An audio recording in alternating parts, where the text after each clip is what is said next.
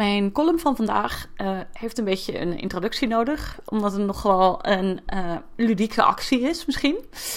Um, toen ik hoorde dat uh, de uitzending van vandaag zou gaan over um, archeologisch onderzoek en onderzoek van botten specifiek, en dat het onderzoek gedaan was door wetenschappers aan de Universiteit van Leiden. Toen moest ik meteen denken aan een liedje van de Leidse zanger Jaap Visser. Uh, van vroeger. Uh, hij heeft een liedje geschreven dat heet Het Kerkhof. Ik kan heel erg aanraden om het liedje te gaan uh, beluisteren. hij is volgens mij op allerlei plekken te vinden. Het is ik vind het zelf een erg grappig, een beetje dark, maar wel heel erg grappig liedje.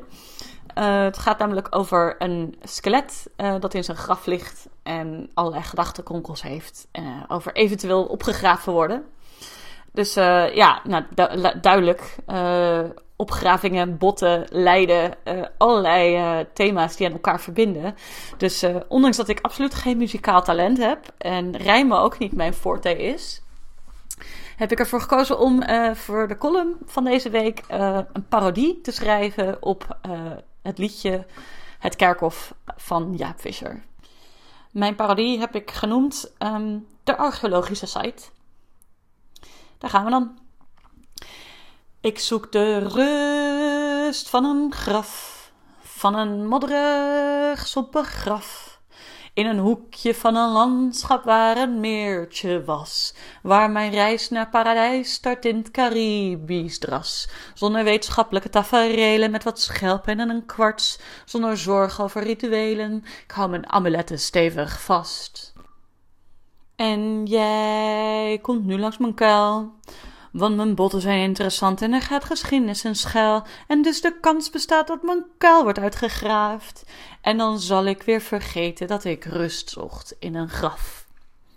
Ik zoek de rust van een kist, van een dorre houten kist waar ik rustig kan bijkomen van mijn middeleeuws vergaan. Siebrouwer Vitalia toont malaria heeft het vastgedaan. Zonder biomoleculaire feiten, zonder syfilis en ander stoornis. En ik zeker had kunnen pleiten, ik schreef met mijn leven geen geschiedenis. En jij komt nu langs mijn steen om je over mijn botten te buigen voor het onderzoek alleen. En dan kan het goed dat ik vervroegd mijn graf uit moet. En dan zal ik weer vergeten dat ik rust zocht in een kist. Ik zoek de rust van een tombe, van een muffe oude tombe. Begraven onder aarde waar geen vrouw of man in het heden mijn verleden uit botten lezen kan. Zonder financiering, zonder universiteiten, zonder prozen, zonder rozen, zodat mijn botten rustig kunnen verslijten, daar heb ik mijn rustplaats op gekozen.